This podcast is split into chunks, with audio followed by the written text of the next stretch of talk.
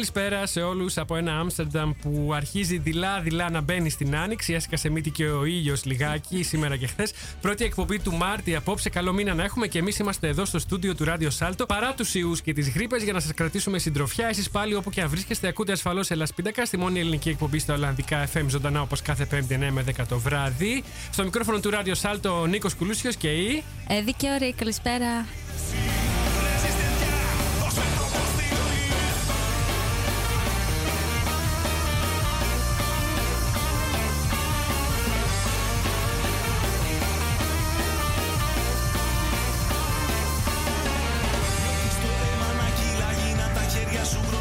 Εκπέμπουμε ζωντανά από το δημοτικό σταθμό του Άμστερνταμ. Υπάρχουν τρεις τρόποι για να μας ακούσετε live. Αν αγαπάτε το συμβατικό ραδιόφωνο αυτό με την κεραία και βρίσκεστε στο Άμστερνταμ, θα μας βρείτε στο ράδιο Σάλτου 106,8 τον FM και καλωδιακά στο κανάλι 103,3 πάλι και μόνο στην περιοχή του Άμστερνταμ αυτά τα δύο. Ενώ διαδικτυακά μας ακούτε όπου και αν βρίσκεστε παντού στον κόσμο από το ελάσπιτακά.com, το site μας.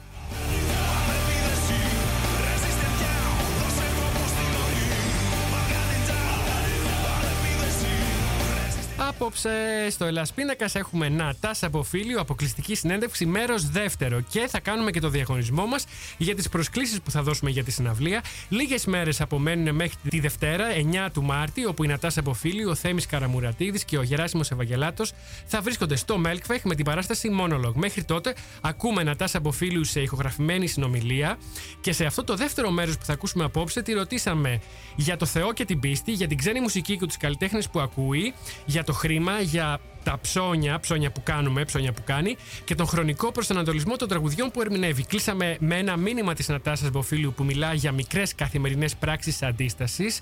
Απολαύστε ελεύθερα Νατάσα Μποφίλου σε μια αποκλειστική συνέντευξη κουβέντα που εξασφάλιζε για εσάς το Ελλάς Πιτακά.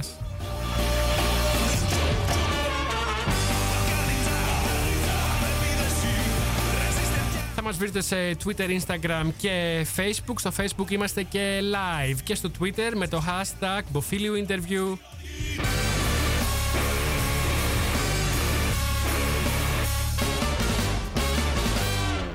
Λευκή μου τύχη και λευκή ζωή μου Γιατί τα βράδια κρύβεστε στον κρίζο Βλέπω στο άσπρο σας την προβολή μου Και το μετά από το μετά γνωρίζω αν είχα θάρρος για να πω το έλα Τώρα δεν θα είχα τη φωτιά στο αίμα. Αν είχε χρώμα θα ήταν άσπρη τρέλα Αν είχε σώμα θα ήταν πάλι ψέμα. Κοίτα τα χέρια πως γυρνούν στον τοίχο Σαν να χορεύουνε με τη σιωπή μου. Κι εγώ που χρόνια γύρευα το στίχο Που θα εξηγήσει τη βουβή ζωή μου Μεταμφιέζω τη σιωπή σε λέξη Και τη χαρίζω σ' όποιον με εξηγήσει. Να έχει το μέλλον μου να επιλέξει Ποιο παρελθόν μου θα ξαναγυρίσει.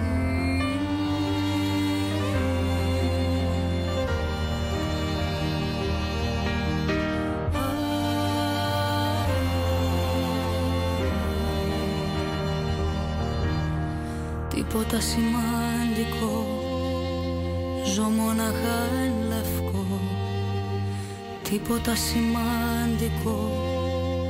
Ζω μοναχά εν λευκό. Λευκή μου τύχη και λευκή ζωή μου. Καλά τα λένε οι εγχρωμοί μου φίλοι. Το πρόβλημά μου η υπερβολή μου. Κι ό,τι αργεί η απάντηση να στείλει. Αν είχε θάρρος να φανεί ο λόγος Τώρα δεν θα ήταν φωτιά στο αίμα. Αν είχε χρώμα θα ήταν άσπρο φόβος Αν είχε σώμα θα ήταν σαν και εμένα.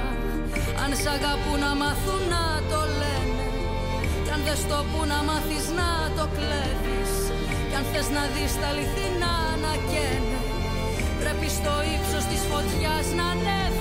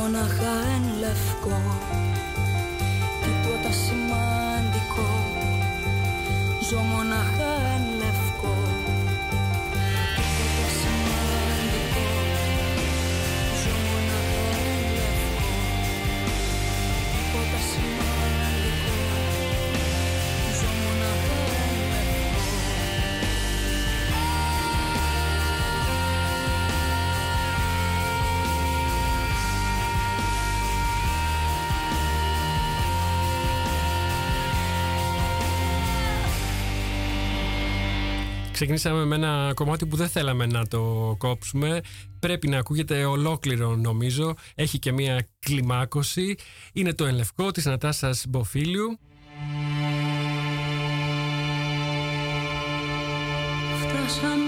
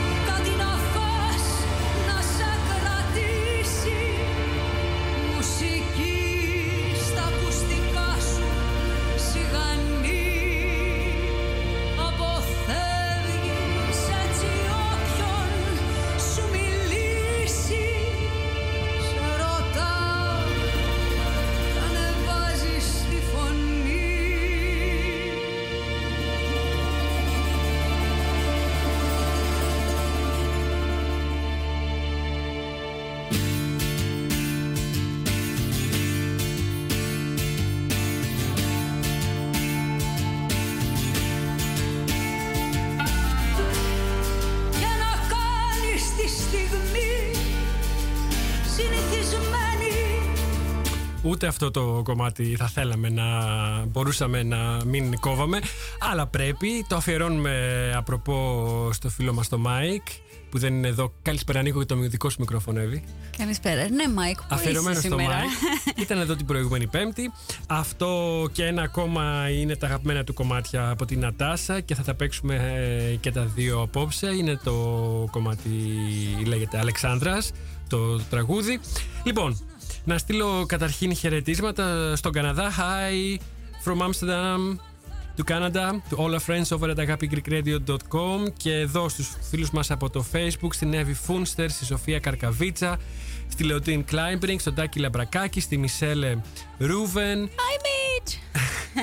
στον Δημήτρη Λούμπακ, στον Λόνι Ντάμ, το φίλο μας το ράπερ που ήταν και εδώ στην εκπομπή, στη Μαριάννα που ακούει από το Βελιγράδι, στην Τίνα Ρούση, στην Τάνια Θεοδόρου, χαιρετίσματα στον Πασχάλη, στον Στέφανο και φυσικά στον Νικοδούλο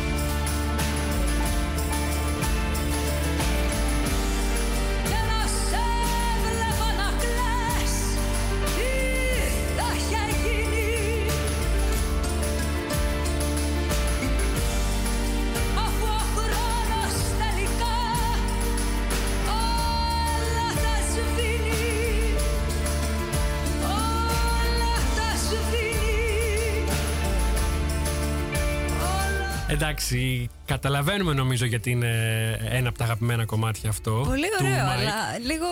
Πολύ να κλάψω. δραματικό, Πήρα. πολύ δραματικό, πολύ θεατρικό επίσης. Ναι. πολύ παραστατικό ε, σε αυτό που περιγράφει.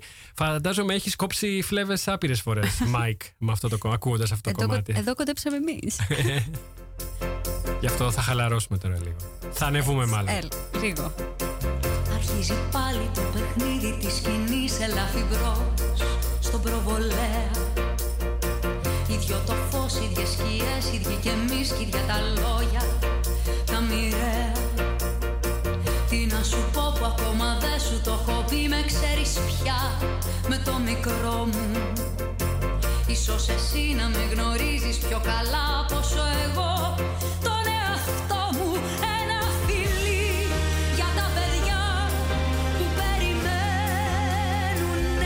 Λοιπόν, 9 Μαρτίου, Νατάσα Αμποφίλιου στο Melkfech. Τα εισιτήρια λιγοστεύουν και δεν έχουμε αρκετές προσκλήσεις για όλους, δυστυχώς. Ναι, θα δώσουμε και δύο διπλές προσκλήσεις για τη συναυλία αυτή. Μείνετε συντονισμένοι για να μάθετε πώς μπορείτε να διεκδικήσετε τις διπλές προσκλήσεις. Σε λίγο θα σας πω περισσότερα.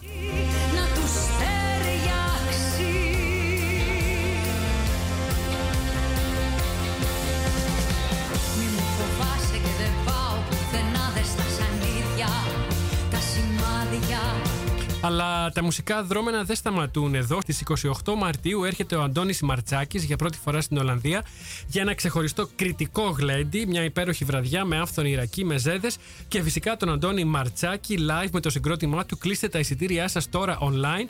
Μπείτε στη σελίδα της ελληνικής κοινότητας στο Facebook για αυτό. Επίσης, 18 Απριλίου Villages of Ioannina City Live in Rotterdam στο Podium Grounds. 8 Μαΐου ο Γιάννης Κότσιρας εδώ στο Άμστερνταμ, στο Melkfech και μάθαμε ότι και ο Μιχάλης Χατζηγιάννης έρχεται το Μάιο. Στο Melkfech αν δεν κάνω λάθος.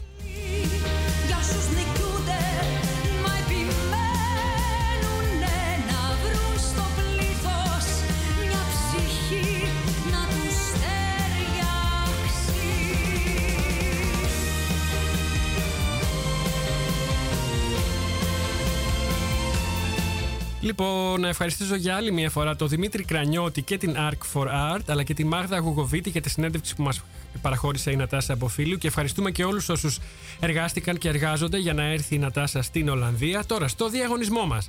Όποιος ενδιαφέρεται για τις δύο διπλές προσκλήσεις για τη συναυλία της Νατάσας Μποφίλιου στο Melkpech 9 Μαρτίου, μπορεί να στείλει ένα email τώρα στο ελασπίντακα.gmail.com με το όνομα, το επιθέτω και το τηλέφωνό του. Στο τέλος της εκπομπής θα κάνουμε την κλήρωση για να βγάλουμε τους δύο τυχερούς ή τυχερές που θα πάρουν τις δύο διπλές προσκλήσεις.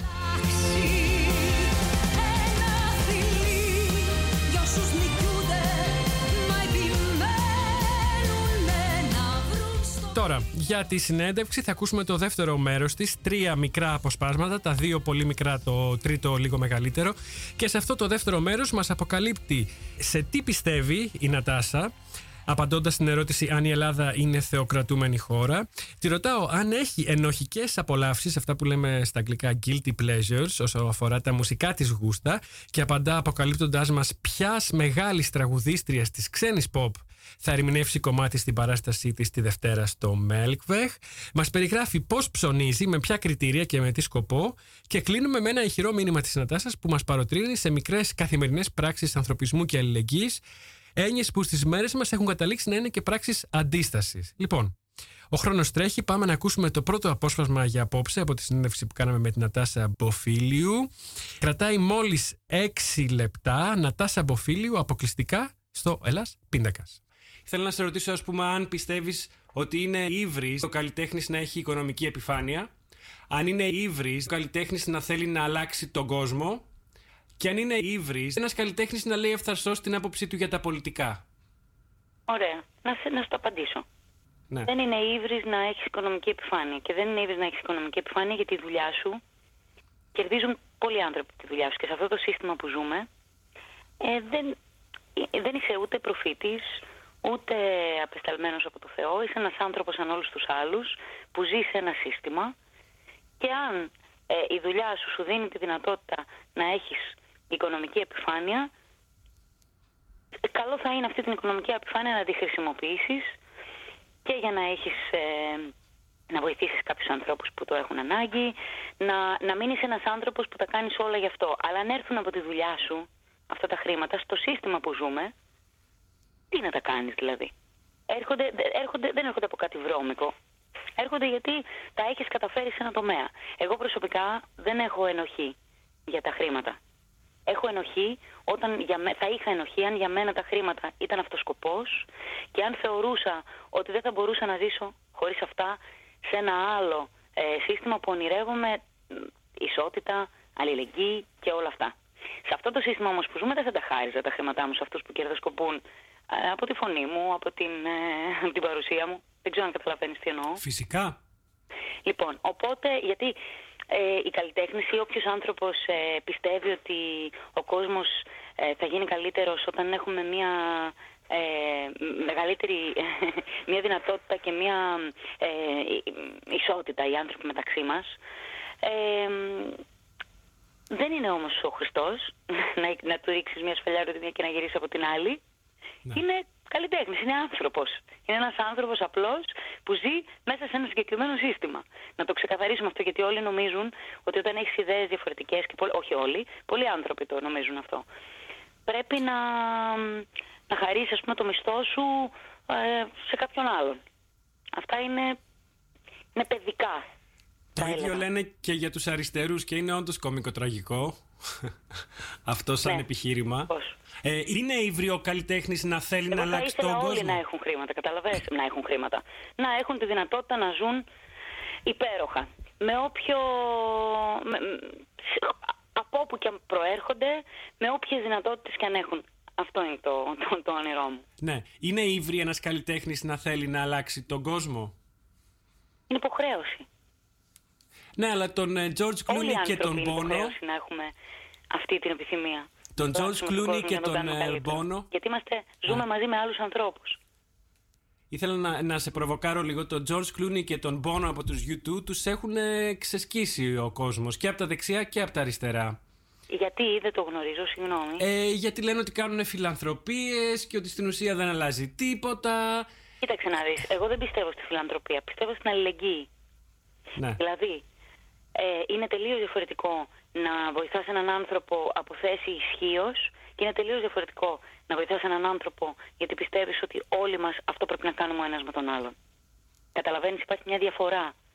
Είναι άλλο να βοηθάω εγώ κάποιον γιατί ε, νιώθω ότι είμαι προνομιούχος και έχω τύψεις γι' αυτό και είναι άλλο να βοηθάω έναν άνθρωπο γιατί νιώθω ότι όλοι πρέπει να έχουμε τη δυνατότητα και την πρόσβαση ε, σε κάτι καλύτερο για τη ζωή μας. Αυτή είναι η διαφορά της αλληλεγγύης και της ε, φιλανθρωπίας. Ο Τζο Κλούνε δεν πιστεύει ότι θα Παράδειγμα, δεν, δεν, δεν ξέρω για τον άνθρωπο, δεν τον αναφέρω. Αλλά ένας άνθρωπος που κάνει φιλανθρωπία δεν πιστεύει ότι θα μπορεί να βρεθεί στη θέση του ανθρώπου που, που βοηθά. Ενώ ο άνθρωπος που είναι αλληλέγγυος πιστεύει ότι είναι ίδιοι. Απλά τυχαίνει αυτή τη στιγμή να είναι σε μια καλύτερη μοίρα. Οπότε προσπαθεί με αλληλέγγυο τρόπο να είναι όλοι οι άνθρωποι σε μια καλύτερη μοίρα. Αυτό είναι μεγάλη διαφορά. Δεν ξέρω ο Μπόνο και ο Τζορτ Κλούνεϊ με τι πρόθεση το κάνουν. Γι' αυτό και δεν μπορώ να πάρω θέση. Αλλά κατά τη γνώμη μου είναι πολύ καλύτερο να βοηθάς παρά να απαξιώνεις. Ακόμη και αν τα κίνητρά σου δεν είναι τα ιδανικά, αυτά που, που θεωρούμε κάποιοι άνθρωποι ότι θα ήταν ιδανικό να προσφέρεις βοήθεια. Και θα σε ρωτούσα επίσης αν είναι ύβρις ένας καλλιτέχνης να λέει... Αυτό γίνεται ας πούμε για φορολογικούς λόγους, έτσι, γιατί αυτό γίνεται συνήθως. Ναι μωρέ, ναι. Ναι, και αυτό δεν το κάνουν γι' αυτό τα παιδιά. Και όχι τα παιδιά.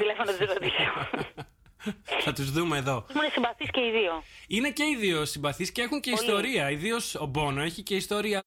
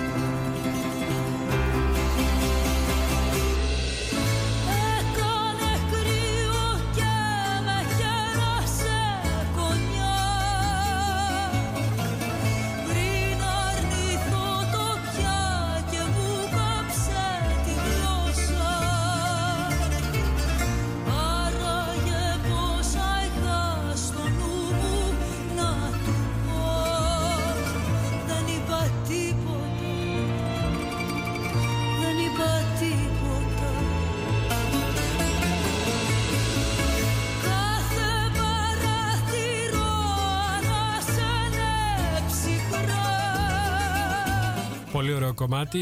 Εδώ ερμηνεύει τον λοχαγό έρωτα με τον Αλκίνο Ιωνίδη παρέα. Είναι επίσης ε, ένα από τα αγαπημένα κομμάτια του Μάικ αυτό του, το αφιερώνουμε και αυτό, δεν ξέρω αν μας ακούει. Λοιπόν, ε, εδώ στο πρώτο απόσπασμα που ακούσαμε τώρα εξετάσαμε τη σχέση του καλλιτέχνη με το χρήμα. Αυτή ήταν η ερώτηση, αν είναι ύβρις ο καλλιτέχνης να έχει οικονομική επιφάνεια.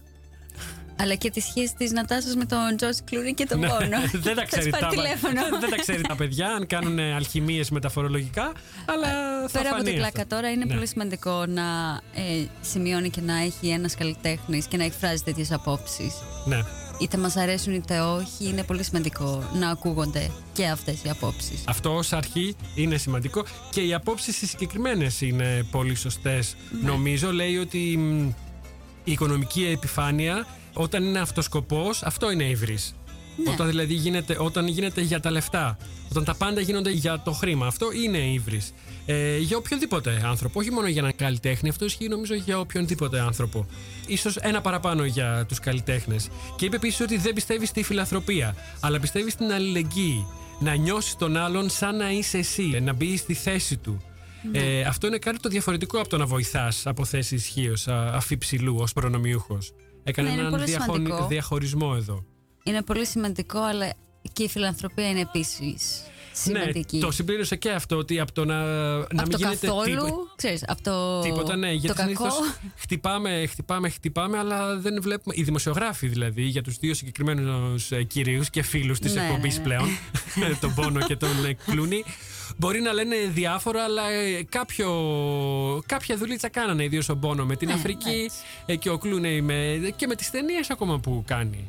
Με το Participant, την ε, εταιρεία που Ναι, έχει ναι, φτιάξει ναι. Και υποστηρίζει. Λοιπόν, είπε επίσης η Νατάσα να κάνουμε τρόπο ζωής τη βοήθεια και την αλληλεγγύη στον συνάνθρωπο. Σημαντικό αυτό. Αυτό είναι το σημαντικότερο μήνυμα, νομίζω. Είμαστε όλοι ίσοι και οι ίδιοι πέρα από τις συγκυρίες που βγάλαν κάποιους εύπορους και κάποιους άπορους. Και κλείσαμε με την ερώτηση: Είναι ύβρι ο καλλιτέχνης να θέλει να αλλάξει τον κόσμο και είπε ότι δεν είναι ύβρι, είναι χρέος. Δεν το λένε όλοι αυτό. Όχι, αλλά όταν έχεις μια έτσι καλλιτεχνική φλέβα. ε, Δεν είναι μόνο. Είναι, πάμε πάλι στο αρχικό ερώτημα, Ναι. το με τα χρήματα. Το κάνεις μόνο για τα χρήματα ή το κάνεις και για κάτι άλλο; Ναι, απλώς πολλοί καλλιτέχνες στην ερώτηση αυτή θα απαντούσαν ότι η δουλειά του καλλιτέχνη είναι η τέχνη του. ναι, ναι, Και εννοείται. τίποτα άλλο.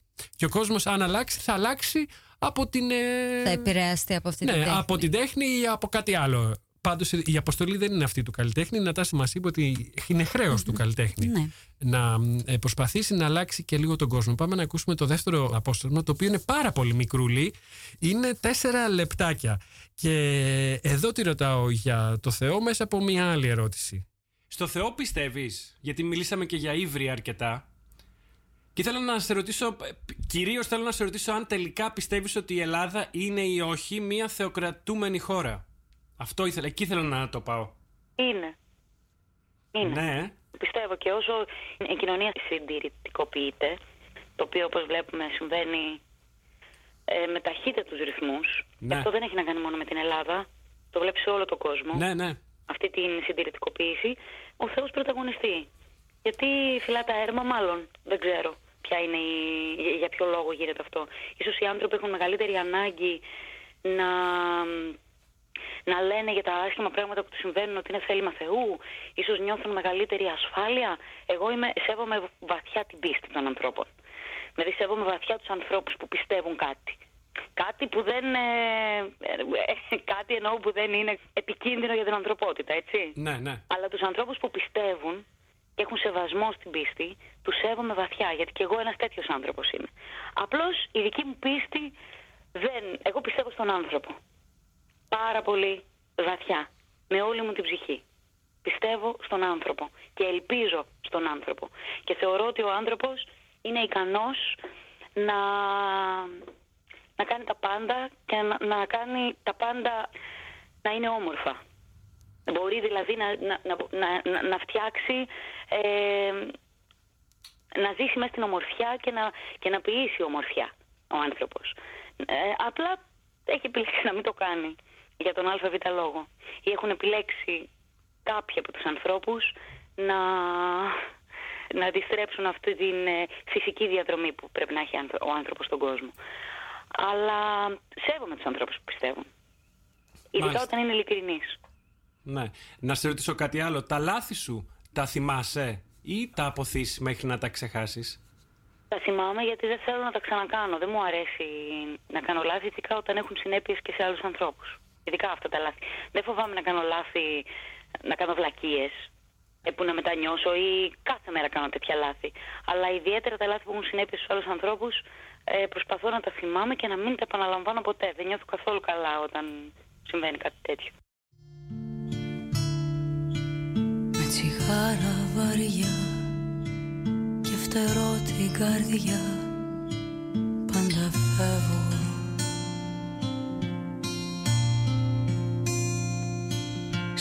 μεγάλο παιδί που τα πάντα έχει δει λες κι είναι έργο.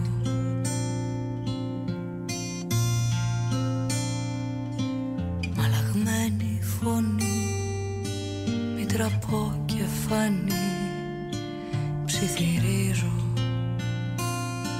Και φυσώ τον καπνό Με μια δόση θυμό Που ποτέ Μα ποτέ. Δεν τελειώνω τι αρχίζω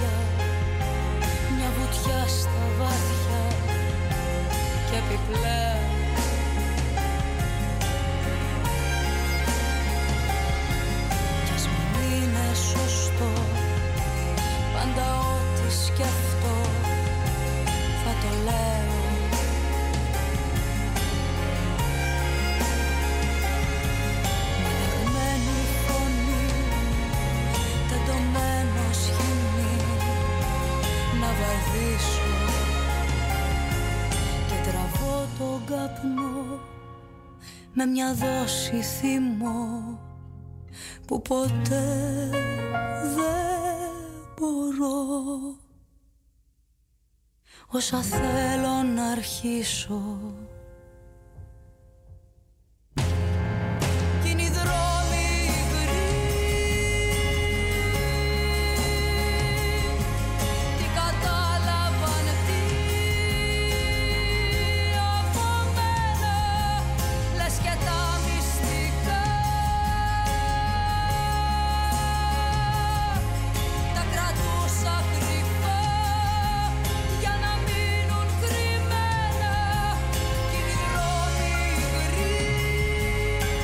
Αυτό το υδρόμι που είναι υγρή δεν μπορεί να μη σου θυμίζει εδώ Ολλανδίο όπου πήξαμε Εννοείται, ειδικά το- αυτό το στη μήνα. βροχή. και στον... Τι αυτό το μήνα από το Σεπτέμβρη. Εντάξει, ο Φεβρουάριος όμως ήταν. ε, Είχαμε μια μέρα με ήλιο ναι, ναι, baby. ναι, ναι. Είχαμε χθες και σήμερα λίγο ήλιο και πήραμε λίγο τα πάνω μας και μετά έριξε μία βροχή. Τι να πεις. Άρα, Νατάσα, που είσαι να μας τραγουδήσεις και είναι οι δρόμοι Ναι. υγροί, τι κατάλαβαν τι.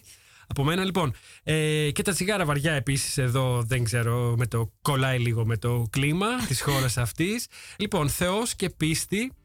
Και η Ελλάδα ως θεοκρατικού, θεοκρατούμενη, ε, θεοκρατικούμενη, ναι, θεοκρατούμενη χώρα. Η αλήθεια είναι ότι έχω εντυπωσιαστεί πάρα πολύ από τις απόψεις. Σου αρέσει να την ακούς; μου αρέσει πάρα πολύ να τα ακούω γιατί είναι Θα σου σαν δώσω να... όλη την ε, συνέντευξη ολόκληρη. θα, τη βα- θα την κάνω ένα αρχείο να σου δώσω να την ακούς, να την έχεις ε, Ναι, ναι, λίγο πριν κοιμηθείς ναι, το βράδυ. Ναι, ναι, ναι, ναι. Είναι λίγο είναι τέτοια φάση. Ε, αλλά είναι πολύ σημαντικό να ακούγονται. Σου είπα και πριν αυτές οι απόψει. είπες, Και το είναι. είπες. Όντως, έχει δίκιο όταν λέει ότι η Ελλάδα είναι θεοκρατούμενη χώρα.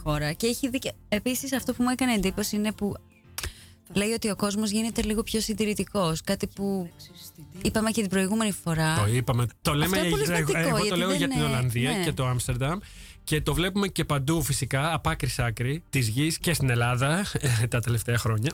Ναι, και αυτό μου κάνει τρομερή εντύπωση. Γιατί όσο εξελίσσεται η κοινωνία, περιμένεις λίγο περισσότερο να εξελίσσεις. Αλλά εμείς Ναι. πάμε εμπρό-πίσω. Πόποτα. Ε, Είναι, λίγο, είναι και αυτό, αλλά είναι λίγο η αντίδραση στην εξέλιξη. Ναι, ναι, αυτό ναι, που νομίζω βλέπουμε. ότι είναι. Ε, Δυστυχώς μοιάζουν επειδή αυτές οι φωνές φωνάζουν. Οι φωνές φωνάζουν, ουριάζουν οι φωνές αυτές που αντιστέκονται στην εξέλιξη και στην Ναι. πρόοδο. Φωνάζουν αυτοί οι άνθρωποι. Ε, είναι λίγο πιο, ξέρεις, dominant. Ακούγονται λίγο, κυριαρχούν Ναι. και στα media όπως και στην Ελλάδα. Δεν είναι όμως.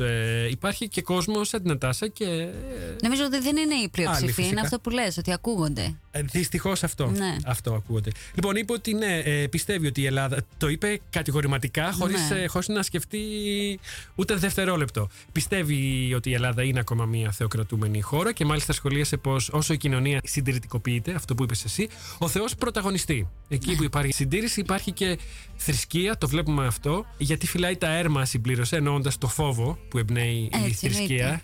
Όχι ο Θεός, η θρησκεία. Η θρησκεία, ναι. Μιλά επίσης για μια ασφάλεια που παρέχει η πίστη. Όπου εδώ νομίζω ότι δεν υπάρχει κανείς που δεν θα συμφωνήσει. Είναι σημαντικό να, Και ότι να θες σέβεται. να πιστεύει σε κάτι. Ναι. Και ότι σέβεται αυτούς που ε, Αυτό είναι απόλυτα σεβαστό, πιστεύουν σε όντως. κάτι. Ναι. Δεν παρέλειψε ωστόσο να προσθέσει ότι σέβεται την πίστη των ανθρώπων, όπως είπαμε, γιατί και αυτή ένας τέτοιος άνθρωπος είναι. Απλά η ίδια πιστεύει σε κάτι άλλο. Πιστεύει στον Ναι, άνθρωπο. Ελπίζει στον άνθρωπο, είπε επίσης. Όχι μόνο πιστεύει στον άνθρωπο, ελπίζει και στον άνθρωπο, που και αυτό είναι δυνατή κουβέντα. Και επειδή είναι άνθρωπος που. και επειδή άνθρωπος μάλλον σημαίνει λάθη, είμαστε τα λάθη μας στην ουσία, στην αντίστοιχη ερώτηση απάντησε πως η ίδια θυμάται τα λάθη που έχει κάνει στη ζωή της, γιατί δεν θέλει να τα ξανακάνει. Ιδίως λάθη που έχουν συνέπειες σε άλλους. Είναι σημαντικό να μην θέλεις να πληγώνεις τους άλλους ανθρώπους και να προσπαθείς να βελτιώσεις τον εαυτό σου. Γι' αυτό το λόγο. Και είναι Ε, επίσης συμφωνώ και το- πάρα πολύ με πολλά πράγματα που Το λέει. ήξερα ότι θα συμφωνήσεις. και είναι και το δισεξαμαρτίν που λέγανε οι, Ναι, ου οι καλός αρχαίοι. σοφού. Ου και γυναικός σοφής. στη, στη συγκεκριμένη περίπτωση. Και τώρα πάμε να ακούσουμε το τελευταίο μέρος. Τι ρώτησες εδώ, πες μου. Εδώ έχει πολλά ομπαξέ. Από όλα έχει ομπαξέ Ω. που λέγανε και στο χωριό μου. Τη ρωτάω λίγο για τα μουσικά, γιατί τα αφήσαμε λίγο. Εντάξει. ναι, τα σχολιάσαμε λίγο στην πολύ αρχή της κουβέντας και στο τέλος. Σε αυτή τη συνέντευξη, τη συνομιλία, η δομή ήταν λίγο πιο αλέγκρο, λίγο πιο free, λίγο πιο wild. Νομίζω ότι έργεσε και με τη Νατάσα στο, την κοσμοθεωρία. Λοιπόν, μιλάμε για μουσική, αλλά όχι για ε, τη δική της πούμε, πορεία και ιστορία, αυτά που θα κάναν όλοι. Τη ρωτάω για guilty pleasures, τη Ω. ρωτάω για τα κάψουροτράγουδα Μμμ. και αν ακούει, αν έχει αγαπημένα. Τη Πολύ- ρωτάω. Ναι; Πολύ θέλω να δω ποιο είναι το guilty pre- pleasure της ε, Νατάζα. Θα αρχίσω και εγώ να ακούω. θα σε απογοητεύσει. Ω. Όχι ότι. Θα δεις γιατί. ε, να μην τα αποκαλύψουμε και όλα. Κάνει και μία πρόταση στιλιστική, αλλά για ελληνική μόδα. Οπότε πρόσεξε τι θα πει έτσι προς το τέλος και κλείνει με ένα πολύ ωραίο μήνυμα και με την ατάκα ότι ο παππούς της ήταν κουλουράς. Και αυτό επίσης πολύ σημαντικό. πολύ Πάμε να ωραία. ακούσουμε το έκτο και τελευταίο μέρος της συνέντευξης με την Νατάσα Μποφίλιου. Κρατάει, 6, κρατάει 14 λεπτά, είναι το Ω. μεγαλύτερο για απόψε. Νατάσα Μποφίλιου αποκλειστικά στο Ελλάς Πίντακας. Να πάμε λίγο και πάλι στα μουσικά. Θέλω να μου πεις αν έχεις αγαπημένα τραγούδια που το ακούς όμως στα κρυφά. Αυτό που λένε στα αγγλικά Όχι, όχι, κρυφές ενοχές. κρυ- κρυφές ενοχές. Όχι, όχι, δεν έχω τέτοια εγώ. Καθόλου. Ό,τι μου αρέσει θα το ακούσω. Απλώς είμαι βαρετή. Α, Τα- Δηλαδή ακούω αυτά που προβλέπεις ότι ακού, που υποψιάζεις ότι ακούω. όχι, εγώ ας πούμε έχω γράψει να σε ρωτήσω αν ακούς... Κάποια κρυφή. Είμαι πολύ προβλέψιμη σε αυτό. Εγώ έχω γράψει να σε ρωτήσω αν ακούς καψουροτράγουδα. Πάλι με ρωτήσανε. Τι γίνεται με αυτό; Α. Ρωτήσανε προχθές σε μία συνέντευξη. Τι εννοείς Μα, καψουροτράγουδα. μα είναι διαχρονικό το είδος στα ελληνικά πράγματα. Αυτά που ακούς όταν κόβεις φλέβες, κάτι πάολα, κάτι τώρα, γιατί δεν ήθελα να δώσω όνομα. Τα- δε- δεν ακούω τέτοια τραγούδια. Όχι, δε- δεν, ε, δεν μου αρέσουν. Δε- δεν- δεν είναι το στυλ που ακούω. Δεν, μου φαίνω- δε- δεν με τραβάει κάτι τέτοιο να το ακούσω. Ωραία, να Δεν πάμε... είναι το στυλ μου. Αλλά μ, καψουροτράγουδα με την έννοια. Έχει και ο Πουλόπουλος, ας πούμε. Αυτά μου αρέσουν. Έχει και ο Διονυσίου. Τρελαίνομαι για το Διονυσίου. Φυσικά, φυσικά. ας πούμε. Έχει και. Δηλαδή, το καψουροτράγουδο δεν το. Λίτσα διαμάντι. Ε, ξ- ξέρεις, δεν το ορίζω ακριβώς με, με ένα συγκεκριμένο είδος τύπου, ξέρω εγώ, αυτό το νέο λαϊκό. Δεν το βάζω σε αυτή την κατηγορία. έχει καψουροτράγουδα όλο το εύρος της ελληνικής μουσικής. Βεβαίως. Αλλά μ, πραγματικά είμαι βαρετή και ακούω αυτά που φαντάζεσαι ότι ακούω. Και επίσης, επειδή σου είπα ότι είμαι ένας άνθρωπος που αγαπώ τη ρουτίνα παρόλο που κάνω μια τόσο ελεύθερη δουλειά. Ε, Ακούς τα ίδια και τα ίδια; Αγαπώ πάρα πολύ και ακούω τα, πολλά πράγματα. Δηλαδή, αυτά που με έχουν σημαδέψει, δεν σταματώ ποτέ να με συγκλονίζουν και να, με, λα- και να τα λατρεύω. Τα ξανακούω κάθε φορά σαν να είναι καινούρια. Ξένα έχει Λίγο- μέσα αυτό το. Ξένα έχει μέσα αυτό το. Εννοείται. Το πακετάκι. Εννοείται. Ωραία. Εννοείται. Πάρα πολύ. Ξέρεις τι μ' αρέσει πολύ; Μ' αρέσει πάρα πολύ. Μ' αρέσει η ξένη pop. Πολύ. Θα τα βρούμε η, εδώ η hip πότε. hop, ε, μ, η, η hip hop R&B pop μ' αρέσει πάρα πολύ. Εν- Τώρα έκανα φοβερό, πώς το λένε, φοβερή διατύπωση. Ναι. Δηλαδή μ' αρέσει, η, η Ριάννα μ' αρέσει, μ' αρέσει η Beyoncé, μ' αρέσει ο Drake, μ' μ' αρέσει αυτή η σκηνή. Τη γουστάρω. Έχεις τολμήσει να κάνεις Και κάτι. επειδή μ' αρέσει πολύ ο χορός. Στη σκηνή έχεις τολμήσει να πεις ένα κομμάτι από τα δικά τους. Στη ναι, σκηνή; ε, έλεγα Ριάννα πέρυσι. Εγώ δεν σε έχω δει καθόλου Να με δεις ζωντανά. στο Άμστερνταμ όμως. Ωραία. Γιατί το λέμε. Αυτή η σκηνή μου αρέσει πολύ. Και μου αρέσει νομίζω και γιατί μου αρέσει ο χορός και γιατί μου αρέσει πάρα πολύ η μόδα. Ξέρεις, το, μ' αρέσει, μ' αρέσουν, πα- μ' αρέσει πάρα πολύ το show. Σαν... Αλλά ξέρεις, λατρεύω και, το, και τα show της Judy Garland. Πεθαίνω, της Barbara Streisand. Αλλά τρελαίνομαι και για το show του Robbie Williams. Τρελαίνομαι για τα show των Depeche Mode. Δηλαδή όταν βάζω show, βάζω όλη τη... Τι ωραία. Σου αρέσουν και οι Αλλά παλιοί. Διάφορα στυλ. Ναι. Εγώ θέλω να σε ρωτήσω πριν, μιας που το ανέφερες τώρα, γιατί έχει και ένα θέμα αισθη... Φτηνό δεν μ' αισθητικής. αρέσει. Αυτό το φτηνό. Το φτηνό. Δεν μ' αρέσει η φτύνια. Αυτό Ήθελα- είναι που δεν ε, μου αρέσει σε όλα τα είδη της Είναι μουσικής. μεγάλη η κουβέντα αυτή και είναι και κουβέντα προσωπικού γούστου. Εγώ θέλω να σε ρωτήσω αν ε, κάνεις shopping και αν είσαι λειτουργική όταν ψωνίζεις ή αν αγοράζεις αυτό που μόνο ζητάει η καρδιά σου. Λοιπόν, κάνω full shopping. Απλά μου αρέσει να αγοράζω ε, φτηνά πράγματα. Σε αντίθεση με τη μουσική. Δηλαδή, επειδή βαριέμαι και θέλω συνέχεια ξέρεις, να αλλάζω, τρελαίνομαι να μπω σε ένα μαγαζί, ας πούμε, και να πάρω κάτι 5,99. Νιώθω απί, απίστευτη. Αλήθεια, ε! ε, πώς το λένε, απίστευτη χαρά. Γιατί λέω, πω, πω, κοίτα να δεις πήρα αυτό που είναι τόσο ωραίο, ας πούμε, και θα το βάλω και θα το ευχαριστώ και κάνει 5,99. Ναι, έχω πολύ πλάκα με αυτό.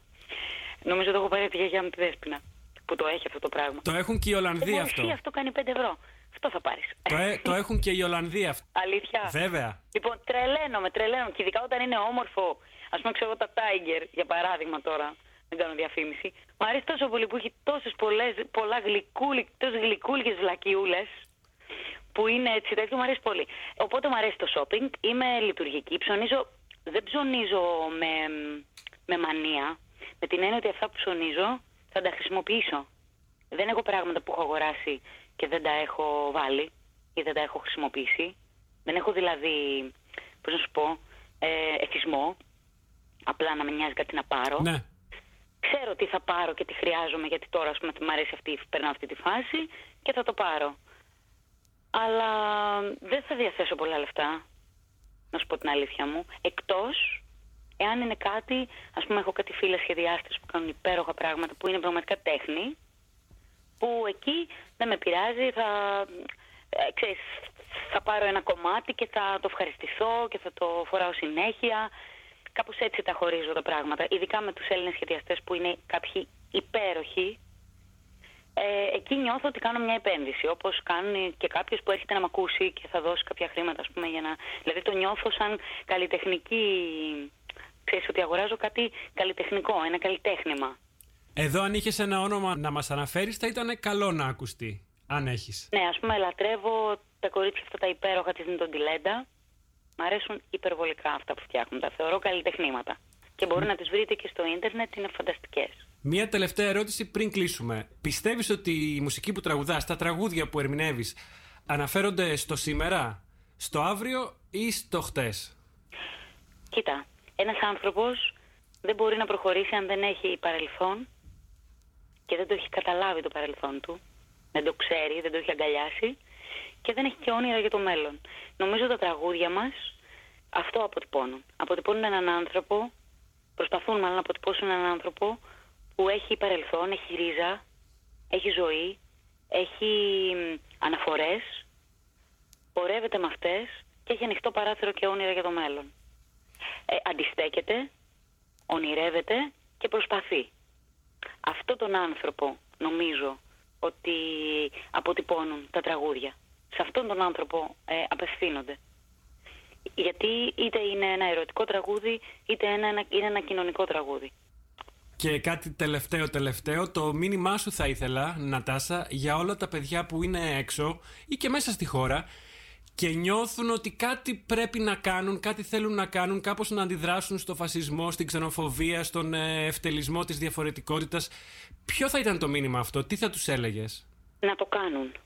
Να κάνουν κάτι. Είμαστε πολλοί και γινόμαστε, πρέπει να γίνουμε όλο και περισσότεροι. Να το κάνουν. Απλά αυτό θα τους πω γιατί μπορείς να αντισταθείς σε αυτό το πράγμα κάθε μέρα με μικρές πράξεις καθημερινές από το να μπει σε ένα ταξί και να σου πει όπως έγινε σε μένα προχθές που μπήκα σε ένα ταξί και εντάξει συνάντησα έναν εκδιήγητο άνθρωπο και δεν ενώ βαριόμουν πάρα πολύ να ασχοληθώ μαζί του το θεωρούσα χαμένο παιχνίδι και δεν είχε κανένα νόημα επί της ουσίας είχε πολύ μεγάλο νόημα γιατί εγώ ένιωσα κατεβαίνοντας ότι με αυτόν τον τρόπο τσακώθηκα φυσικά με αυτόν τον άνθρωπο και συζητήσαμε πώς άκουσα τις αδιανόητες κτηνοδίες που είδε το στόμα του, αλλά τουλάχιστον αντιστάθηκα. Αυτός ο άνθρωπος θα γυρίσει στο σπίτι του και θα πει μπήκε μία, μην πω τη λέξη, μέσα στο αυτοκίνητο, και... αλλά αυτό για μένα είχε σημασία. Ήταν, ένιωσα εκείνη την ημέρα καλά, ότι δεν έβαλα την προ... προτεραιότητα το ότι βαριόμουν και το ότι πίστευα ότι το παιχνίδι αυτό είναι χαμένο και κάθισα και συζήτησα αυτά τα 20 λεπτά με αυτόν τον ανεκδίγητο άνθρωπο, κατά τη γνώμη μου. Λοιπόν, οπότε αυτό είναι μια πράξη ή ας πούμε το να πετάξεις τα σκουπίδια γιατί για μένα το πώς φέρεσαι στο περιβάλλον επίσης είναι πάρα πολύ σοβαρή πράξη. Το να πετάξεις τα σκουπίδια σου να κάνεις ανακύκλωση που είναι κάτι τόσο απλό και τόσο εύκολο είναι μια καθημερινή πράξη απέναντι αντίστασης.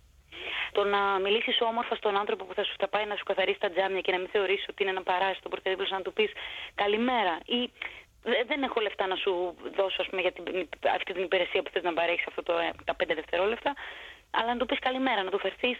Δηλαδή, να σου πω ένα παράδειγμα και να κλείσουμε με αυτό.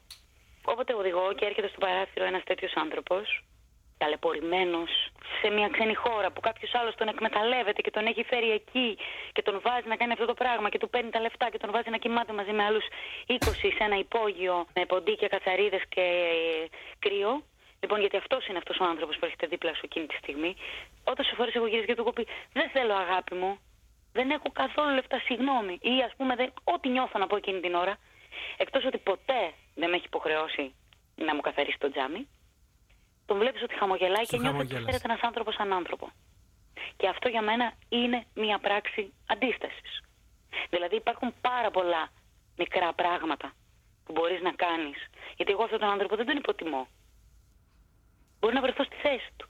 Μπορεί να κάποια στιγμή να μου συμβεί και εμένα αυτό. Και να είναι ο μόνος τρόπος για να βγάλω δύο ευρώ μέσα στην ημέρα. Ή να είμαι ένας μικροπολιτής και να πουλήσω χαρτομάτιλο. Ο παππούς μου ήταν κουλουράς.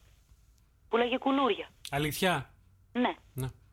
Οπότε αυτό είναι μια πράξη αντίστασης. Αυτός ο άνθρωπος εγώ δεν, δεν, δεν, δεν θεωρώ ότι είναι ούτε ζητιάνος και ζητιάνος να είναι κάποιος. Πρέπει να να σκεφτείς ότι αυτός ο άνθρωπος δεν πήρε την παιδεία να καταλάβει ότι μπορεί ίσως να βρει μια εργασία ή να προσπαθήσει ή του συνέβη κάτι τραγικό στη ζωή του που έχει κατάθλιψη και δεν μπορεί να κάνει τίποτε άλλο από το να κάθεται σε μια γωνιά του δρόμου και να ζητιανεύει. Δηλαδή υπάρχουν πάρα πολλά πράγματα που πρέπει να σκεφτείς για να φερθεί στου ανθρώπου σαν άνθρωπος. Και αυτό είναι αντίσταση. Και φυσικά τι θα ψηφίσεις, πώς δηλαδή θα, θα γνωστοποιήσεις στο κράτος και στην κοινωνία ποιες είναι οι απόψεις σου, ή θα προσπαθήσεις, θα αλλάξεις, θα κατέβεις σε μια πορεία, ή θα γράψεις σε, σε μια οικογενειακή συζήτηση, αντί να συζητήσετε βλακίες, θα κάνετε μια συζήτηση για το πού πάει αυτός ο κόσμος και κάτι μπορεί να μείνει σε έναν άνθρωπο από αυτούς που είναι γύρω στο τραπέζι. Αυτά τα στοιχεία τα έχουν οι Έλληνες και τολμώ να πω λίγο παραπάνω και από εδώ τα έχουν τη κουβέντα μέσα στο σπίτι τη ε, πολιτικής θέση. Ισχύει αυτό. Ισχύει. Ναι. Μα έχουμε δυνατότητες. Σαν λαός έχουμε και δυνατότητες και ταλέντα. Απλώς είμαστε τόσο μπερδεμένοι και μας έχει σκυπάσει ένα, ένα τεράστιο πέπλο τα τελευταία πάρα πολλά χρόνια νομίζω μικροπρέπειας. Γιατί είναι μεγάλη μικροπρέπεια να, να σκέφτεσαι μόνο τον εαυτό σου. η οικογένειά σου να είναι καλά και πώς θα μπορέσεις να βγάλεις κάτι παραπάνω και γιατί εγώ ας πούμε να συνδικαλιστώ με τους άλλους εργάτες αφού εγώ μπορώ να αυτό. Αυτό είναι πέραν από το ανθρωπιστικό του πράγματος, είναι και βαθιά μικροπρέπεια. Και ιδιοτέλεια και Τα λίγα, μικροπρέπεια. τα μικρά. Αυτό έχει ιδιοτέλεια. Είναι κούτσικη. Ναι. Μηδαμινή. Είπες σε μία συνέντευξή σου και εγώ θα κλείσω έτσι. Αν, δεν ξέρω αν εσύ θέλεις κάτι άλλο να προσθέσεις. Συμβούλευσες το κοινό να έχει ακαιρεότητα, υψωμένο ανάστημα και ισχυρό φρόνημα. Ναι, το, το Αυτά είπα στα παιδιά συνεχίζουν, γιατί, έτσι. που είχαν έρθει στην πρώτη συναυλία, γιατί είχαμε ζήσει αυτά τα γνωστά που ζούμε εδώ πέρα. Κάτι, είχε γίνει κάτι εκείνη την ημέρα και σκεφτόμουν εκείνη την ώρα που το έλεγα, τι, τι μπορείς να ευχηθείς στους ανθρώπους; Είχαν μαζευτεί 2.500 άνθρωποι εκεί μπροστά μου και σκεφτόμουν ότι δεν μπορείς να μου τους δώσεις μια ευχή γιατί μαζί με τις ευχαριστίες μου που τους ευχαριστούσα για όλα αυτά που κάναν, που ήρθαν μέχρι εκεί, που, που περάσαμε αυτή τη συγκλονιστική βραδιά σκεφτόμουν ότι πρέπει να κλείσουμε με μια ευχή και η μόνη ευχή που μου, που μου βγήκε είναι αυτό, δεν ήταν συμβουλή. Ήταν ευχή. Εγώ το Και πήρα έρχονται έτσι. δύσκολες ε, Εγώ το μέρες πήρα και το έτσι. βλέπεις και από τη συνέντευξη που μου, κάν- που μου έκανες καταλαβαίνω ότι το βλέπεις και το νιώθεις κι εσύ. Ναι, εγώ το πήρα γιατί έτσι μου άρεσε και με βόλευε εδώ στα, στα δικά Ε. μας, το πώς ζούμε εδώ την Ελλάδα. Ε, ευχαριστώ πολύ Νατάσα για την Ανυπόμονω όμορφη... να σε γνωρίσω. Και εγώ Πέρασα ελπίζω πολύ να ωραία μην σε μαζί σου. κούρασα. Ωραία. Ελπίζω να μην σε κούρασα, αυτό μόνο πες μου. Όλου πέρασα υπέροχο και σου λέω ανυπομονώ να σε γνωρίσω. Θα έρθεις φαντάζομαι. Βεβαίως και εμείς Θα ανυπομονούμε τα να πεις σε ε, δούμε. και πιο καλά εσύ να, να, να πεις για τις πληροφορίες για το μέρος, την ώρα που τα έχεις μπροστά σου. Θα τα προσθέσω εγώ. Είναι απλό Τέλεια. 9 του Μάρτη στο Melkweg του Άμστερνταμ. Τα υπόλοιπα θα τα πούμε και στην εκπομπή. Είδες το είπες πολύ σωστά εσύ γιατί εγώ... Ε, θα στο μάθουμε. Μέχρι τότε καλή δύναμη Νατάσα και μακριά από τις γρήπες. Σε ευχαριστώ γλυκέ μου, σε ευχαριστώ πολύ. Ευχαριστώ και εγώ πολύ. Γεια Υπομονώ χαρά. να τα πούμε. Γεια σου. Γεια χαρά. Ευχαριστώ. Γεια.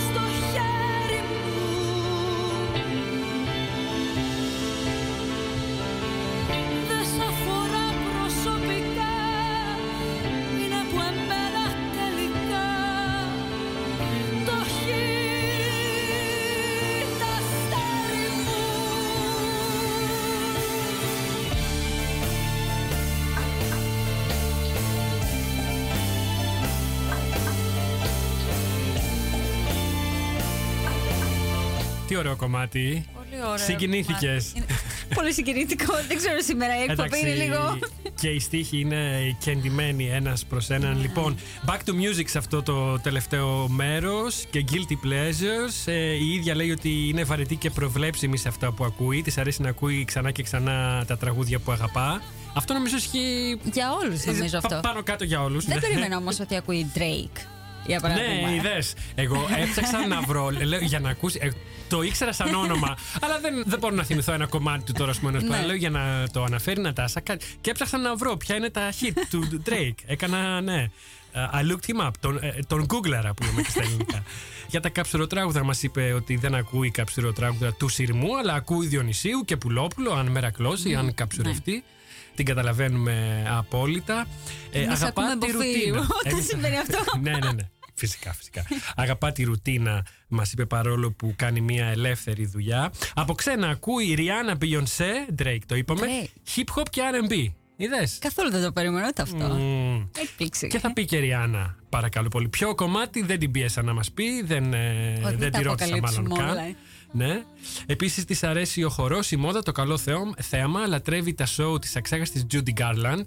Ε, εντάξει. Μπάρμπαρα Streisand. Την επίσης. αγαπάμε, Barbara Streisand Ναι. επίσης αγαπάμε. Αλλά και τα show του Robbie Williams και Depeche Mode. Δηλαδή και λίγο pop και λίγο πιο δυνατό, πιο λίγο δυνατό. new wave, λίγο μπράβο, Ναι, μπράβο βέβαια. Νατάσα. Δεν της αρέσει μ, η φτηνή μουσική και το φτηνό θέαμα, της αρέσει όμως το φτηνό shopping. Δηλαδή οι ευκαιρίες. Γιατί όχι; Ε, στα ψώνια ποιον δεν αλλάζει αρέσει το αυτά; πράγμα. Της αρέσουν οι ευκαιρίες, κάνει full shopping, της αρέσει να αγοράζει φτηνά πράγματα και μικρά γιατί βαριέται. Οπότε βρήκε αυτόν τον τρόπο για να έχει να συναλλάζει, Ναι. που λέμε. Ε, να έχει να συναλλάζει. Τρελαίνεται να αγοράζει γλυκού, γλυκούλικες βλακιούλες. Κάνει μια εξαίρεση και χαλάει λεφτά σε κάτι το ιδιαίτερο. Για παράδειγμα, μας ανέφερε τις φίλες της, τις σχεδιάστρε, τις Ελληνίδες τη ε, Νίντο, τη Λέντα. Το αναφέρουμε και εμείς. Τι άλλο, σημείωσες κάτι εσύ Ότι- που σου έκανε ναι, εντύπωση; Ναι, Σημείωσα, Πες. σημείωσα, σημείωσα. Ναι. Λοιπόν, ε, είπε κάτι για το παρελθόν, ότι είναι πολύ σημαντικό να το αποδέχεσαι και να έχεις όνειρα για το μέλλον. Μόνο έτσι θα πας μπροστά. Και καταλαβαίνω, τώρα που άκουσα όλη τη συνέντευξη, καταλαβαίνω ότι πολλές από τις απόψεις της, επειδή ήδη ανέφερε κιόλας ότι ο παππούς της ήταν κουλουράς, καταλαβαίνω ότι πολλές από τις απόψεις της έχουν διαμορφωθεί ε, και είναι άρρηκτα συνδεδεμένος με το γεγονός ότι εκ- γνωρίζει πολύ καλά και το δικό της παρελθόν και της οικογένειάς της, το σέβεται, το έχει αποδεχτεί απόλυτα και έχει εξελίξει δικές της απόψεις για το μέλλον, για το παρόν και είναι πολύ, για μένα είναι πολύ ωραίο αυτό να το ακούω. ξέρεις. Έχει ρίζες. Ναι. Στην ουσία έχει μια αφετηρία και την τιμά και πάνω σε αυτή έκτισε τη δική της φιλοσοφία. Πάτησε πάνω σε αυτό. Ε, Εξελίχθηκε και ως άνθρωπος. Ναι. Η τελευταία τάκα ήταν ότι οι Έλληνες έχουμε και δυνατότητες και ταλέντα. Απλώς τα τελευταία πάρα πολλά χρόνια μας έχει σκεπάσει ένα πέπλο μικροπρέπειας γιατί σκεφτόμαστε τον εαυτούλη μας. Τις αλήθειες δεν τις φοβάται η Νατάσα, ακόμα και αν πληγώνουν. Δεν τις φοβήθηκε ποτέ. Έχουμε φτάσει στα δύο λεφτά πριν το τέλος Wow. ε, για τις δύο διπλές προσκλήσεις Α, για ναι. τη συναυλία της Νατάσας δεν προλαβαίνουμε να κάνουμε την κλήρωση ζωντανά, αλλά θα γίνει αμέσως μόλις τελειώσουμε και οι νικητές θα ειδοποιηθούν μέχρι, μάλλον μέχρι αύριο, ναι, από μένα. Οι υπόλοιποι μπείτε στο site του Melkfech και προμηθευτείτε από εκεί εισιτήρια για να δείτε αυτή τη μοναδική παράσταση από μια ξεχωριστή και ιδιαίτερη καλλιτέχνηδα όπως είναι η Νατάσα Αμποφίλιου με τον Θέμη Καραμουνατίδη και τον ε, Γεράσιμο Ευαγγελάτο. Φτάσαμε στο τέλος. Σε ευχαριστώ ιδιαίτερα, Εύη, που ήρθες Εγώ μέσα στη βροχή ευχαριστώ, Εγώ ευχαριστώ. και ήσουν εδώ απόψε για να σχολιάσουμε Ήτανε μαζί το πολύ δεύτερο ωραίο. μέρος Πολύ τη ωραίο. σας. Ναι, έτσι ήταν. Κάπου εδώ σας λέμε χούιενάφων και ανανεώνουμε το ραντεβού μας για την επόμενη Πέμπτη της 9 το βράδυ, όπου θα έχουμε καλεσμένο έναν φίλο από το Περού. Τον Τζανκάρλο Πατσανέσε. Είναι expat και είναι από το Περού. Είναι φίλος παλιός και θα έρθει να μας πει για όλα αυτά τα ωραία που κάνει και ασχολείται. Μέχρι τότε μπείτε να διαβάσετε elaspidacast.com, να είστε καλά και να περνάτε ακόμα καλύτερα. Καλό Παρασκευό Σαββατοκύριακο σε όλους. Το Folgende Care. Ντουντουι.